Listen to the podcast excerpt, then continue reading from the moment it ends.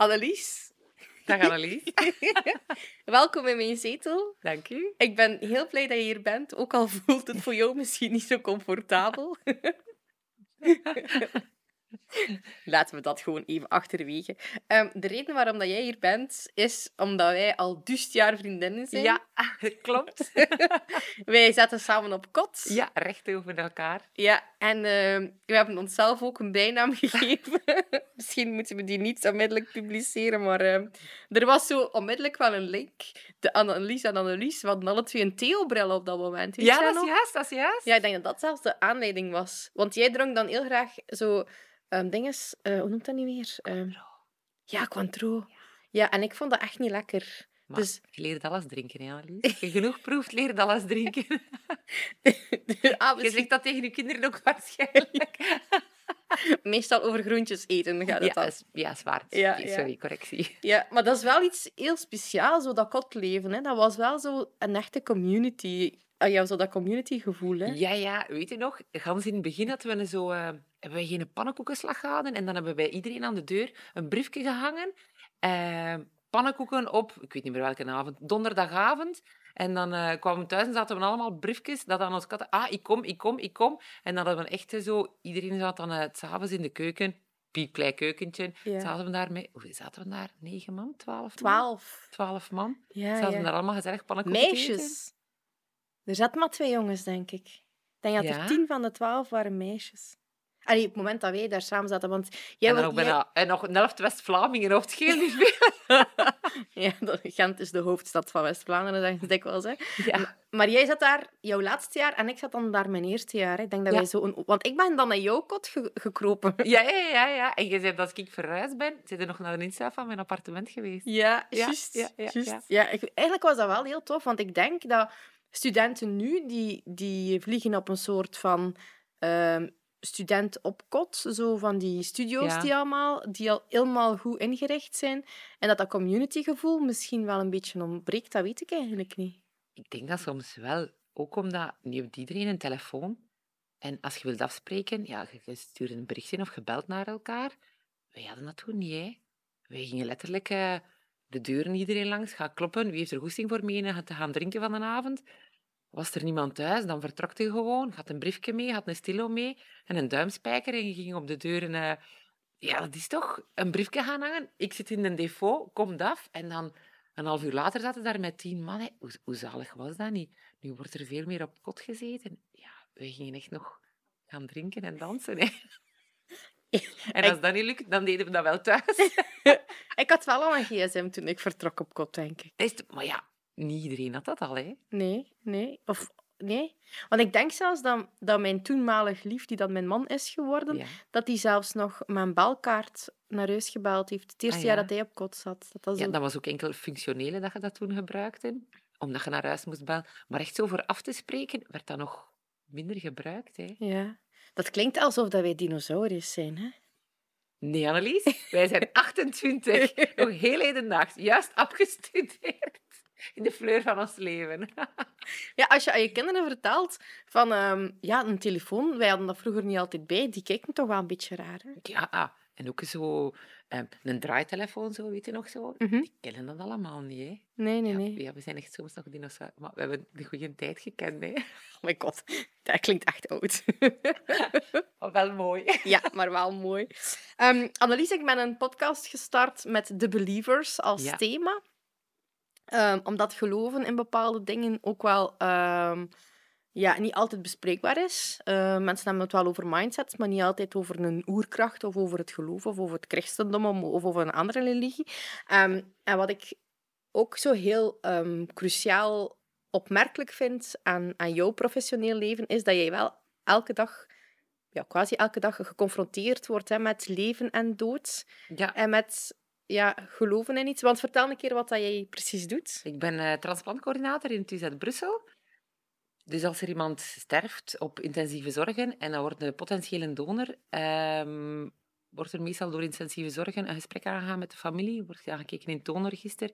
En dan bespreken wij met het team hoe dat die mens in aanmerking komt voor donatie. En dan ehm, ja, kunnen eventueel de organen weggenomen worden. En het mooie daaraan is dat eh, toch in alle miserie van familie, dat je toch een dierbare moet afgeven, dat er toch nog wordt gedacht aan andere mensen en andere mensen toch een nieuw leven geven.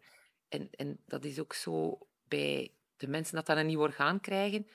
Die weten dat er iemand gestorven is, niet voor hun, want die mens ging sowieso sterven. Maar in het verdriet van iemand anders denken ze wel dat er iemand anders een nieuw leven kan geven. Dus dat is altijd wel heel mooi dat je, dat je daaraan denkt. Ja. En dat je dat toch doet. En die gesprekken die dan gevoerd moeten worden met welke insteek... Jij gaat daar dan ook naartoe? Met uh, donoren, met familie van de donoren minder. De euthanasiedonoren zie ik wel. En dat zijn mensen dat uh, zelf bewust kiezen voor euthanasie.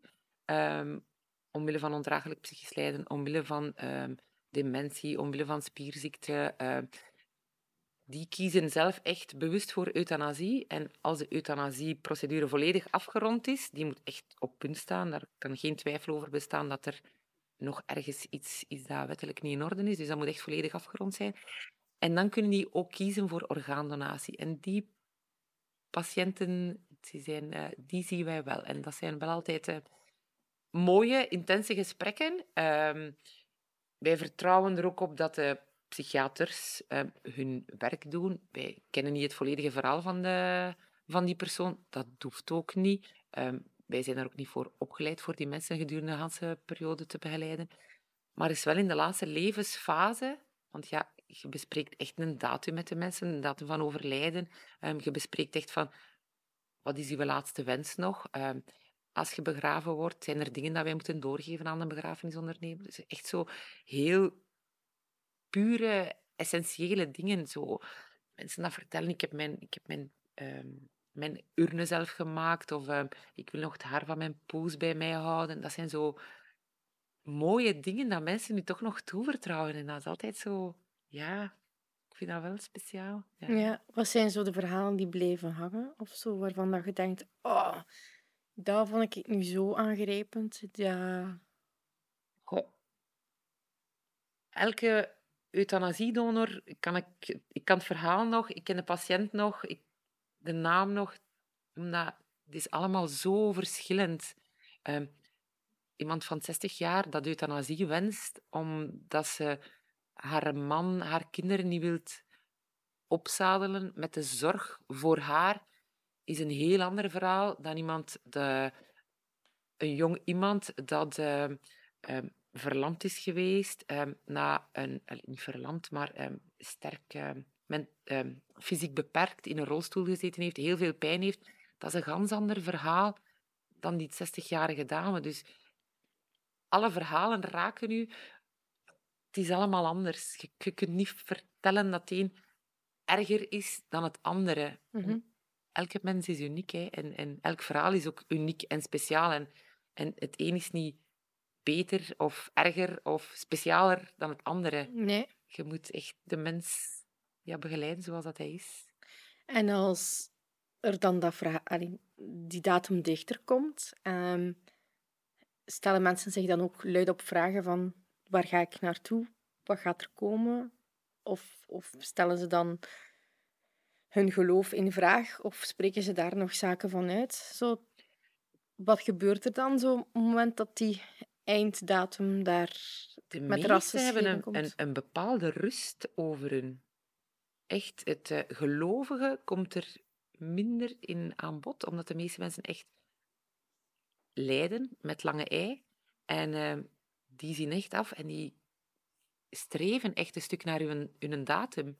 En we laten mensen daar ook heel vrij in. Dat is het eerste wat ik mee begin en ook het laatste wat ik zeg. Je kunt altijd terug, want ja, sterven is... Ja, dat is Definitief. Ja, je kunt niet meer de dag daarna zeggen, ik heb mij bedacht, ik ga toch iets doen. En we hebben ook al twee keer gehad dat mensen echt... Uh, uh, iemand dat echt op de kamer gezegd had, dat iedereen klaar stond, dat zegt van, ja, nee, eigenlijk wil ik nog voor het leven kiezen. Dan denk ik, wauw, ik vind dat mooi dat je op dat moment toch nog durft zeggen, want ja, je weet dat er heel veel mensen... En dat je toch die een druk niet voelt voor het toch te moeten doen. Dus vond ik heel tof. Allee, heel tof, dat klinkt raar, maar ik vond dat moedig dat ze dat durfden doen. En dan was er ook iemand dat zei, uh, een week ervoor, dat zei... Ik denk dat er toch nog iets is dat mij zou kunnen helpen. En dan denk ik... Allee, tof dat je dat toch nog probeert. Ja. Jammer genoeg heeft die dame dan twee maanden later toch ehm, gezien, van, ja, is toch niet gebleken wat dat was. En die heeft dan toch nog voor euthanasie gekozen en orgaandonatie. Maar ja, de mensen voelen echt een bepaalde rust over hun. En ehm, ik zeg altijd, dat klinkt misschien raar, ehm, wij zijn er altijd bij. Eh, bij ons in het ziekenhuis is zo, mensen dat euthanasie krijgen en orgaandonatie, die worden in slaap gedaan in de kamer en de euthanatica die wordt toegediend in het operatiekwartier. Dus de familie is daar niet meer bij. De familie ze eigenlijk gewoon inslapen. Mhm. Wordt volledig uitgesproken met de familie, eh, met de mensen dat daarbij gaan zijn. En dat is oké. We hebben daar nog nooit problemen mee gehad. Ehm, ehm, in andere ziekenhuizen wordt dat anders gedaan. Wordt de euthanatica echt toegediend eh, bij de familie, maar dan moet het heel snel gaan. Dus wij verkiezen het iets rustiger te doen op een andere manier. Ik ben daar ook altijd bij als er mensen in slaap gedaan worden. En ik zeg altijd, als je overgestoken bent, laat mij iets weten. En op een of andere manier, misschien zoek ik daar ook naar, krijg ik gelijk altijd wel zo een boodschap. Oké, ik ben er zo. Een vogelken dat komt eh, op je tafel zitten als je thuis komt. Of als je naar huis aan het rijden bent, zo een prachtige regenboog, echt letterlijk in je gezichtsveld, dat je niet kunt naast kijken. Misschien zoekt je daar een betekenis achter, maar ik denk altijd, ah, is oké. Ja? Ja, dat is raar, hè? Misschien wil ik dat ook geloven, hè? Mhm. Maar ja, ja. Geloof je dan dat er dan nog een soort van leven komt na die dood? Of geloof jij dan, het is dan ook echt gedaan? Het is zo... Ik heb juist naar je podcast waar ik dorst geluisterd. En die zei ook over uh, verrijzenis. En ik moet eerlijk zijn, ik werk in de VUB, een vrijzinnig ziekenhuis, maar ik wil, ik wil daar ook wel in geloven. Ik kan me niet voorstellen dat we dit aardse leven, dat dit het is. Mhm. Ik denk dat veel mensen dat wel naar trachten en in willen geloven. Ja. Hoe komt het eigenlijk dat wij pas als het einde nadert en als wij geconfronteerd worden met de dood, pas die rust vinden? Allee, om, om nu maar iets te vertellen, ik heb um, twee jaar terug, toen was ik 37, in vier maanden tijd vier leeftijdsgenoten verloren. En um, voor mij was dat. Um, en dat waren niet de mensen die heel dichtbij stonden. Dat was uh, een vriendin van de KLE van vroeger, de zus van een klantvriendin, uh, mijn vroegere mede-Unizo-bestuurder en Antine, die in mijn, um, in mijn klas in het middelbaar zat, waar ik eigenlijk een beetje mijn puberteit mee heb doorgemaakt, die wel uh, ook uw, uw leven wel een beetje tekent natuurlijk. Um, en pas dan, als dat heel dichtbij komt, dan pas ga je je vragen stellen. En dan vraag ik mezelf af, maar Blomme, waar, waarom heb je dit nu nodig om, om die rust te vinden en om die drive in je leven te heruitvinden dat het niet altijd een TGV moet zijn? Dat, ja. Denkt u niet dat dat te maken heeft met de maatschappij waar dat we in leven? Alles is zo vlug en haastig. Wij staan niet meer stil bij de eindigheid van het leven. Wij, allee, de gemiddelde levensduur is, is 70, 80 jaar. Vroeger werden mensen 20, 30 jaar en, en dan was dat een deel van het leven. Nu razen wij erdoor. Uh, er wordt heel veel naar ziekenhuizen afgestoven. Um, oudere mensen steken we in een rusthuis, dat we er niet te veel last van hebben. Zieke mensen steken we ook in kort verblijf of naar een ziekenhuis. Of we nemen oudere mensen ook niet meer in huis. We zijn veel meer individualistisch geworden. We kijken alleen maar nog, nog meer naar ons eigen leven en wat ons zelf gelukkig maakt. En we kijken veel minder naar wat dat er rond ons, rondom ons gebeurt. En ik denk dat dat... Ene keer als je terug zo met de dood geconfronteerd wordt, dan denk je zo van... Ja, eigenlijk loopt meer maar een beperkte tijd op deze aardbol rond. En dan staat het inderdaad terug even stil. Maar ja, een week daarna draait alles terug verder en je moet terug mee. En dat, ja, we, we nemen niet meer de tijd voor nog een keer af en toe stil te staan bij de dingen. Nee. En bij veel dingen staan we niet meer stil, omdat het allemaal gemedicaliseerd wordt of ja. En jij met jouw medische achtergrond, um, hoe sta jij dan daar tegenover over het feit van, um, ja, inderdaad, die levensduur wordt altijd maar, of onze levensduur wordt altijd maar groter en langer. Hè? Ja, We, we, rekken daaraan langs allerlei kanten. Ja. We, we laten de natuur zijn gang niet meer gaan. En let op, ik ben hier misschien een heel hard statement aan het maken. Hè. Het is vooral ook een vraag van ja, in welke mate kunnen wij deze situatie blijven rekken? Als jij zegt van kijk, we zijn geëvolueerd van mensen gemiddeld 30, 40 naar, naar, 80, eh, naar 80 jaar. Ja, gaan we mensen rekken tot 120 en wordt dat dan een gemiddelde? Maar dat rekken gebeurt dan niet meer op een natuurlijke manier. Hoe ga jij daar mee om met jouw medische kijk? Ik weet niet wat dat op een... Dat is nog altijd op een natuurlijke manier, hè. Ik denk, maakt niet uit hoe oud dat je wordt. Ik denk dat je vooral naar de kwaliteit van je leven moet kijken. Mhm.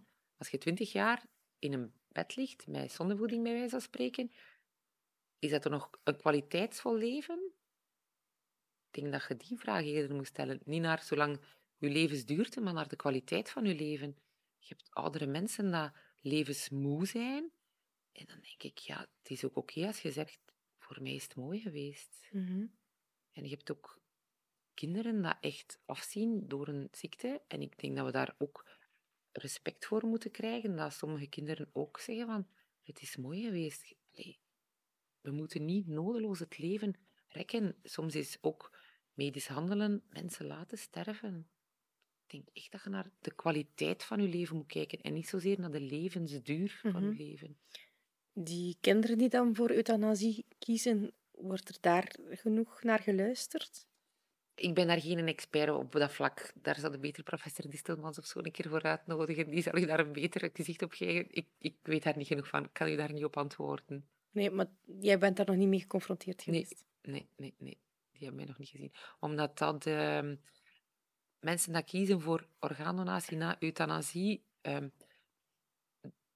de criteria voor orgaandonatie ehm, te, te, te geven, dus voor organen te mogen geven aan iemand anders, zijn heel ruim. Maar een actieve kanker bijvoorbeeld is nog altijd een contra-indicatie. De meeste actieve kankers zijn nog altijd contra-indicaties. En als jonge kinderen eh, kiezen voor euthanasie, is dat dikwijls omwille van toch wel een, een, een medische reden. Mhm. Dus die zijn dan dikwijls ook niet ehm, geschikt voor ehm, orgaandonatie te doen. Ja. Dus het is ook een vraag dat altijd van de patiënt zelf moet komen. Het is nooit iets dat zal bevraagd worden. Ja. Ehm, als jij dan die laatste gesprekken doet,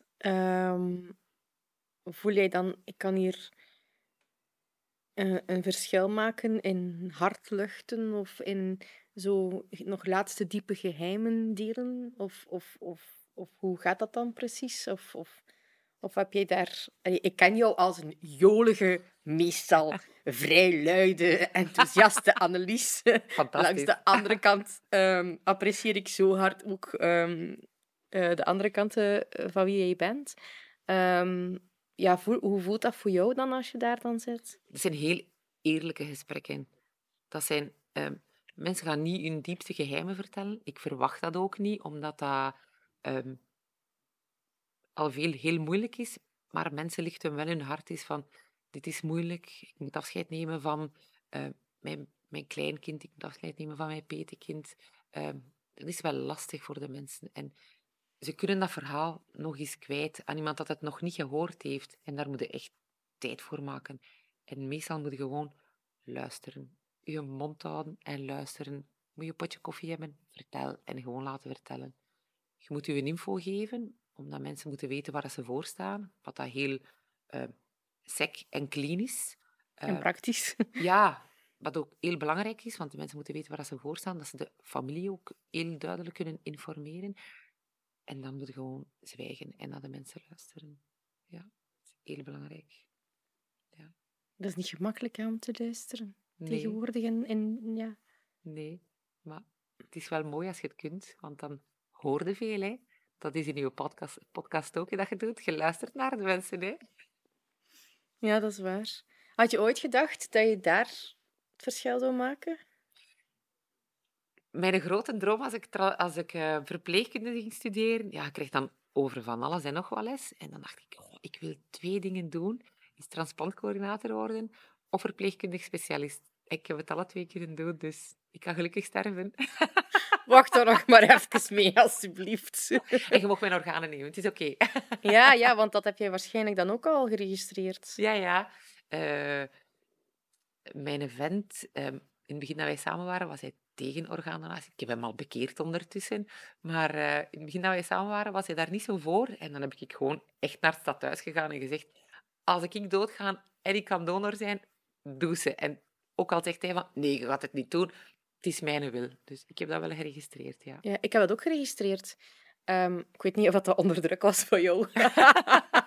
Eh, Yes, opzet geslaagd. alleen, ehm, dat moet je om de zoveel tijd herzien, zeker? Hè? Nee, één keer is genoeg. Ah, oké. Als je één keer geregistreerd. Bij elke donormelding kijken wij altijd het Nationaal Register na, altijd. eh, om te zien wat dat de wens was van de overleden. Altijd. Ja. Wat zijn zo, is misschien een rare vraag, maar wat zijn zo dan de populaire organen? Waar hebben ze het meeste nood aan? Allemaal. Echt? Allemaal. Ja, er is voor alles is er een orgaantekort. Ja, ze zijn eh, bezig ook. Ik zei het daar straks, de, de criteria voor orgaandonor te worden zijn allemaal, eh, bijna allemaal weggevallen. Vroeger hadden een leeftijdsgrens. ehm, bepaalde kankers werden uitgesloten. Dat is allemaal weggevallen. Er zijn echt nog heel weinig criteria dat we zeggen nee. We hebben vorig jaar, eh, vorige week, twee weken geleden, een, ehm, een dame van 92 dat eh, kwam te sterven en zij zou potentieel een lever kunnen gegeven hebben. 92, ik bedoel, 10 jaar, 20 jaar geleden gingen we dat nooit gedaan hebben. Nu denken we, oké, we gaan ervoor. Dus ja, die, de mindset is volledig anders geworden, omdat eh, er zo'n tekort is. Er sterven elke dag mensen op de wachtlijst, wachtenden op een orgaan. Dus ja. Ik heb een heel rare vraag en mensen gaan dat misschien belachelijk vinden, maar ik ga ze toch stellen. Er is zoveel tekort aan bloed. Als, je dan bent, kunnen dan ook bloeddonor zijn op het laatste van je leven, zodat ze u letterlijk leegtrekt? Of is dat een belachelijke gedachte? Nee, die vraag is al gesteld geweest. Ehm, dus is Hopelijk door een slimme vraag. professor. Dat wordt- Absoluut. Ehm, dat is bloed na het overlijden. Ehm, en daar is zijn nog geen ehm, analyses op dat getest zijn. Dus dat mag momenteel nog niet. Ah, oké. Ja. Ja. Dat is geen zo'n stomme vraag. dus. Nee. Nee, is goed. Ehm, ik herinner mij nog een keer dat wij ehm, op restaurant zaten. Welke En- keer? een van de dust keren. En jij zei, ja, ik ben wel van wacht. Dus het zou kunnen zijn als er iets is dat ik opgeroepen ben. Eh, Nee. Dus betekent dat, dat was dat dan ook niet dat jij ook moest gaan kijken bij een ongeval of dat het orgaan nog oké was? Of was dat echt in het ziekenhuis zelf, als mensen aan, ja, aankomen? Ehm, dat was jij wel, ja. Ofwel worden opgeroepen omdat er een donor is. Dus er Mhm. iemand sterft en dat wordt een potentiële donor. Ofwel word je opgeroepen omdat er een orgaan beschikbaar is van een van uw ontvangers. Dus dat zijn de twee mogelijkheden. Ehm, als er een donor is, dan moet je echt ehm, gaan kijken in het medisch dossier. Zijn er geen contra-indicaties? Wat is, aan wat is hij gestorven? Ehm, wat is de beeldvorming? Wat zijn de bloedwaarden? Ehm, wat zijn de urineproductie? Dat zijn allemaal een ganse hoop ehm, parameters dat je ja. moet nakijken. Ofwel word je opgeroepen omdat er een aanbod is voor een van uw patiënten. En dan moet je kijken van, is uw patiënt transplanteerbaar? Heeft hij geen infectie of zo? Ja. Dat hij kan getransplanteerd worden. Is er een goede match tussen de donor en een ontvanger? Want bijvoorbeeld een donor van 70 jaar, een dergelijke nier ga je niet geven aan iemand van 16 jaar, zeg ik maar. Is, daar wordt ook allemaal rekening mee gehouden. Dus dat zijn de twee mogelijke dingen. Er wordt altijd samengewerkt met een ganse hoop mensen. Ik ben niet alleen van wacht, er zijn chirurgen van wacht, er zijn verpleegkundigen van OK van wacht, ehm, anesthesisten, mensen op de spoed, de, zelfs de poetsvrouw die moet opgeroepen worden. Dus je bent met een gans team dat altijd dag en nacht bereikbaar is. En, en het is niet alleen dat eh, moet bereikbaar zijn. Dus eh, ja, je, je moet wel rekenen op een gans team. Ja. Ja. Maar wij gaan niet ter plaatse. Dat zijn de mensen van... Als je donor wilt worden, moet je in perfecte omstandigheden sterven. En dat is op een intensieve zorgen. Dus ja, op het moment van een ongeval, van een aanrijding, worden de mensen sowieso getransfereerd naar de spoed, naar intensieve zorgen. En dan pas kunnen we eigenlijk kijken of dat hij, geschikt, hij of zij geschikt is Ja. voor donatie. Ehm, ik was net iets aan het denken. Hè. Ehm, als je dan die transplantatie-overdracht, of transplantatie, of overdracht, een van de twee, als je die dan regelt, allee, dan, dan ligt er iemand te wachten die weet, ah, er is iemand die euthanasie pleegt, of, of neemt, of, hoe zeg je dat? Of gewoon iemand dat of voor sterft, hè. kiest, ja. Ehm, of stel nu dat iemand is die voor euthanasie kiest, Mhm. en die dan die medicatie wordt eh, toegediend. En, en dan ligt er iemand letterlijk te wachten om, om die longen of de hart of, of die nier over te Ja. krijgen. In, in welk tempo gebeurt dat? Ik bedoel, in welk tijdsbestek eh, gaat het daarover? Hoe sneller, hoe beter. Dus eh thoracale organen, dus hart en longen, wordt altijd uitgenomen door het team dat het implanteert bij de ontvanger. Omdat Mhm. die dan kijken van, is het geschikt voor mijn ontvanger? Ehm, is het een goed hart? Zijn de longen mooi? Want op het moment dat ehm, ehm, de longen of het hart geschikt is, wordt een ontvanger voorbereid in het eh, ontvangende centrum. Dus bijvoorbeeld als wij in het UZ Brussel een donor hebben en het, eh, de longen gaan bijvoorbeeld naar Antwerpen, dan zal op dat moment in Antwerpen de ontvanger klaargemaakt worden als het team bij ons zegt de longen zijn mooi. Voor het hart gebeurt dat ook. Als het hart bijvoorbeeld naar Leuven gaat, dan zal het hartteam van Leuven komen. Die zal zeggen het is een goed hart voor onze ontvanger. En dan op dat moment wordt een eh, ontvanger klaargemaakt in Leuven. Mag ik een hele plastische vraag stellen? Zeg maar een keer. Dus die, die, allee, die maken die mensen open, die halen het hart eruit, die checken, oké, goed hart, let's grab it. Die stoppen dat in een frigobox, die stappen in een helikopter en die vliegen naar Antwerpen en, en gaan dan naar de... Of met een auto, dat is meestal nog iets gemakkelijker. met de auto. Ja. En als je dan in de file staat? ja, die rijden prioriteit. Hè. Ja, oké. Blauw licht op, zup. Ja. iedereen wijkt daarvoor. Ja, tuurlijk. Dus dat is echt zo een, een half uur dat dat hart dan in een koeling ligt? Of in een... Ja, ja. ja. In een bewaarvloeistof met ijs er rond, ja. ja. We hebben al een paar keer gehad dat eh, een team van Duitsland was en dan was het, eh, werd het echt op machine gezet. En dan zie je dat echte hart Om- samentrekken. Blijven pompen. Ja, dan blijft dat echt pompen en dat wordt echt ook geschokt en dan zie je dat echt terug mooi samentrekken, dat bloed. Ja, wordt dan opgevangen, dat pompt daaruit. Dat is echt wel spectaculair om te zien. Allee, wij vonden dat allemaal toch heel indrukwekkend. Ja, ik, ik kan me voorstellen dat je dat dan schoon vindt om te zien. Allee, als medische achtergrond zijnde en uit menselijke overweging, dat blijft hier leven en dat gaat... Ja, dat is toch... Van...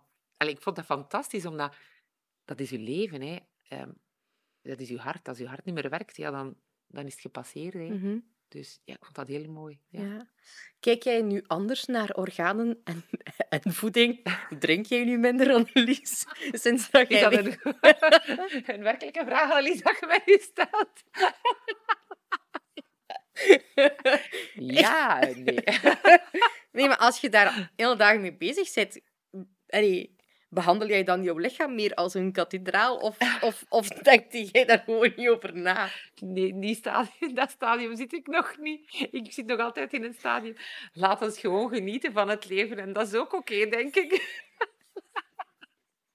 En dan zien we wel of we die lever al dan niet kunnen De transporteren. lever gere- gaat heel lang mee. Een paar mensenlevens, dus daar heb ik al een vertrouwen in. Echt? Is dat, is dat waar? Kunnen we dat zo overzetten van de een naar de andere? Een Ja. lever. Ah ja, natuurlijk. Dat is toch bij alle orgaan? Hart is niet goed, je geeft er een ander. Ah ja, een lever ook. Ja, maar ik bedoel, kunnen dat hertransplanteren? In theorie zou dat gaan, ja. En hoeveel keer... Dat weet ik niet hoeveel keer ze dat al maximum gedaan hebben. Ja, zo een derdehands lever. Een derde handsleven, dat weet ik niet wat ze dat al gedaan hebben. Zou dat kunnen? Misschien wel, ja. Ja, je moet ook naar je bloedvaten kijken. Ik weet niet wat dat chirurgisch-technisch mogelijk is. Dat zou keer aan een chirurg moeten vragen. Alright, dan heb ik al direct een ander onderwerp. over. Hoe- Hoeveel keer kun je een orgaan eh, ja, recycleren eigenlijk? Hè? Ik bedoel, dat klinkt, ja, recycleren klinkt misschien een beetje raar. Maar... Je moet ook wel rekening houden op het moment dat je dat orgaan bij iemand anders inplant. Ja, die dat moet dan nog aannemen. Ja, je moet eh, immuunsuppressie nemen, dus afweeronderdrukkende medicatie. En veel van die afweeronderdrukkende medicatie is ook wel toxisch voor nieren. Ehm, ehm, wordt toch wel altijd wel wat aangevallen en dat heeft een bepaalde... ehm, eh, afgezien van het moment dat dat in uw frigobox heeft gezeten. Ehm, dus die organen gaan eh, soms minder lang mee dan dat je... Ah ja. Plus, uw ontvanger moet ook dan nog een keer in de perfecte omstandigheden sterven, dat hij zelf ook donor zou kunnen worden. Ah ja. Ja. Ja, dat is het meestal. Hè. Je Mhm. moet ja, in de perfecte omstandigheden kunnen sterven voor donor te worden. Dat is meestal het moeilijkste. Ja. Ja. Wel bijzonder, hè? Dat je dan echt leven in handen hebt. Ja, absoluut. Dat is ook het mooie aan onze job. Hè. Enerzijds de donorfamilie dat heel veel spijt heeft en dat toch nog in al zijn miserie denkt aan iemand anders. En anderzijds heb je echt een nieuw leven dat je kunt geven aan iemand anders. Hè, want die mensen hun leven veranderen ja, van de een op een andere dag. Hè. Dus dat is echt wel mooi. Hè. Ja, ja, ja. Als je naar de mensen belt om te zeggen, we hebben een orgaan voor u. Ja, de meesten zijn altijd even stil aan de telefoon. En en dan moet je altijd even zeggen, oké, rustig blijven. Je komt vooral veilig naar het ziekenhuis. Ja. En je doet geen overhaaste dingen. We willen liever dat je een uur te laat bent dan dat je je verongelukt op de baan. Daar staan we altijd op. Ik, ik ging een hele foute opmerking maken, maar ik ga het niet doen. Ik denk dat ik ze weet. Oké. Zeg, Annelies, dat is dan wel een, dat is dan wel een beetje dubbel, hè, Annelies. Want als je dan die eh, medicatie moet nemen omdat je lijf het orgaan niet zou afstoten, maar het tast tegelijkertijd wel dat orgaan aan, dat is wel een beetje contradictorisch dan. Ja, dat is zeker waar. Ehm, die, die medicatie die tast uw nierfunctie aan. En ehm dikwijls moeten mensen op termijn dan ook een bijkomende niertransplantatie krijgen. En niertransplantpatiënten moeten soms ook een tweede niertransplantatie krijgen. Een tweede, uw, allee, uw tweede nier, omdat je twee nieren hebt, of Nee, nee. een nieuwe transplantatie, Een omdat nieuwe het- transplantatienier. Dus je hebt je twee nieren, je, je eigen nieren, die blijven sowieso ter plaatse bij een niertransplantatie. Dus je krijgt er meestal een derde bij. Ah, oké. Ehm, ja, als dat chirurgisch technisch mogelijk is, dan krijg je er gewoon een derde nier bij. Ehm, als uw nierfunctie ehm, niet meer werkt, omdat uw oorspronkelijke ziekte is teruggekomen, of uw nier wordt inderdaad aangetast door de medicatie van, van de immuunsuppressie, dan kan het zijn dat je nog opnieuw op de wachtlijst wordt gezet voor nog een nier. Een, een vierde dan, zo gezegd. Ja. ja. Ja. En zijn, e- zijn het enkel de nieren die zo gevoelig zijn, of is dat echt met andere organen ook zo? Het zijn vooral de nieren, ja, Ja. dat zo gevoelig zijn. Ehm, en hoe komt dat dan? Omdat dat eigenlijk een, een heel belangrijk orgaan is, waar we te weinig aandacht aan besteden ook misschien soms? Nee, ik denk, maar ik weet het niet zeker, omdat ze vooral ehm, uitgescheiden wordt via de nierfunctie. Hm. Ja, het is een, een, een, bijwerking, zal ik maar zeggen. Ja. Als er zo één van de organen is waarvan dat, je, allee, dat er een transplantatie eh, moet gebeuren, dat klinkt nu raar, maar welke is dan de beste om te vervangen? Allee, ik bedoel, wat is de meest minder complex, of is dat echt afhankelijk van je lichaam? Elk orgaan heeft zijn eigen specificiteit. Als je een nier vervangt en je nier werkt niet, heb je het geluk dat je nog kunt overschakelen naar de dialyse. Ja, ja. Dus die optie heb je wel. Als je hart faalt en je krijgt een nieuw hart, ehm, ja, dat moet werken of ja, marcheert ook niet. Je hebt daar niet veel alternatieven mee. Ehm, elk orgaan is heel specifiek. Is, ja, het een is gemakkelijker chirurgisch technisch dan het andere. Welke, welke is dan Dan moet aan een chirurg vragen. Oké, Ik doe niet, eh, ik doe niet operatie, dus daar durf ik u geen antwoord op geven. oké. Is er nog iets levensbevattend of levensbeschouwelijk dat jij mij wilt delen? Ik zie elkaar graag. Annelies, ik ga afsluiten met de, de laatste vraag. Ehm, dus je hebt gezegd, ik geloof in een soort van verrijzenis. Ehm, geloof je dan ook in een soort van God of universum of lot die mensen stuurt? Ik denk dat we nog altijd ons eigen leven een beetje in handen kunnen nemen. Dat, dat hoop ik in alle geval toch, en dat niet alles vast ligt. Ehm verrijzen is... Ik, ik geloof in veel en ik wil in veel geloven. En ik geloof in de goedheid van de mens. Daar geloof ik vooral in. En, en ik denk dat we allemaal samen de wereld een beetje mooier kunnen maken. En dat is in al mijn naïviteit nog altijd mijn eh, volle overtuiging. En ik denk dat je dat eh, moet doortrekken tot als je sterft. Want dat is het mooiste wat je kunt doen. In je laatste moment, als je dat voor iemand kunt betekenen. Waarom niet? Ik ben zo blij dat jij mijn vriendin zit. En die kunnen we niet gaan drinken. Vond het een beetje leuk eigenlijk. Ik heb het overleefd. Ja, qua thema valt dat dan eigenlijk ook perfect te rijmen. Annelies de Grauwe, merci hè. Dankjewel, Annelies Blom. Hè.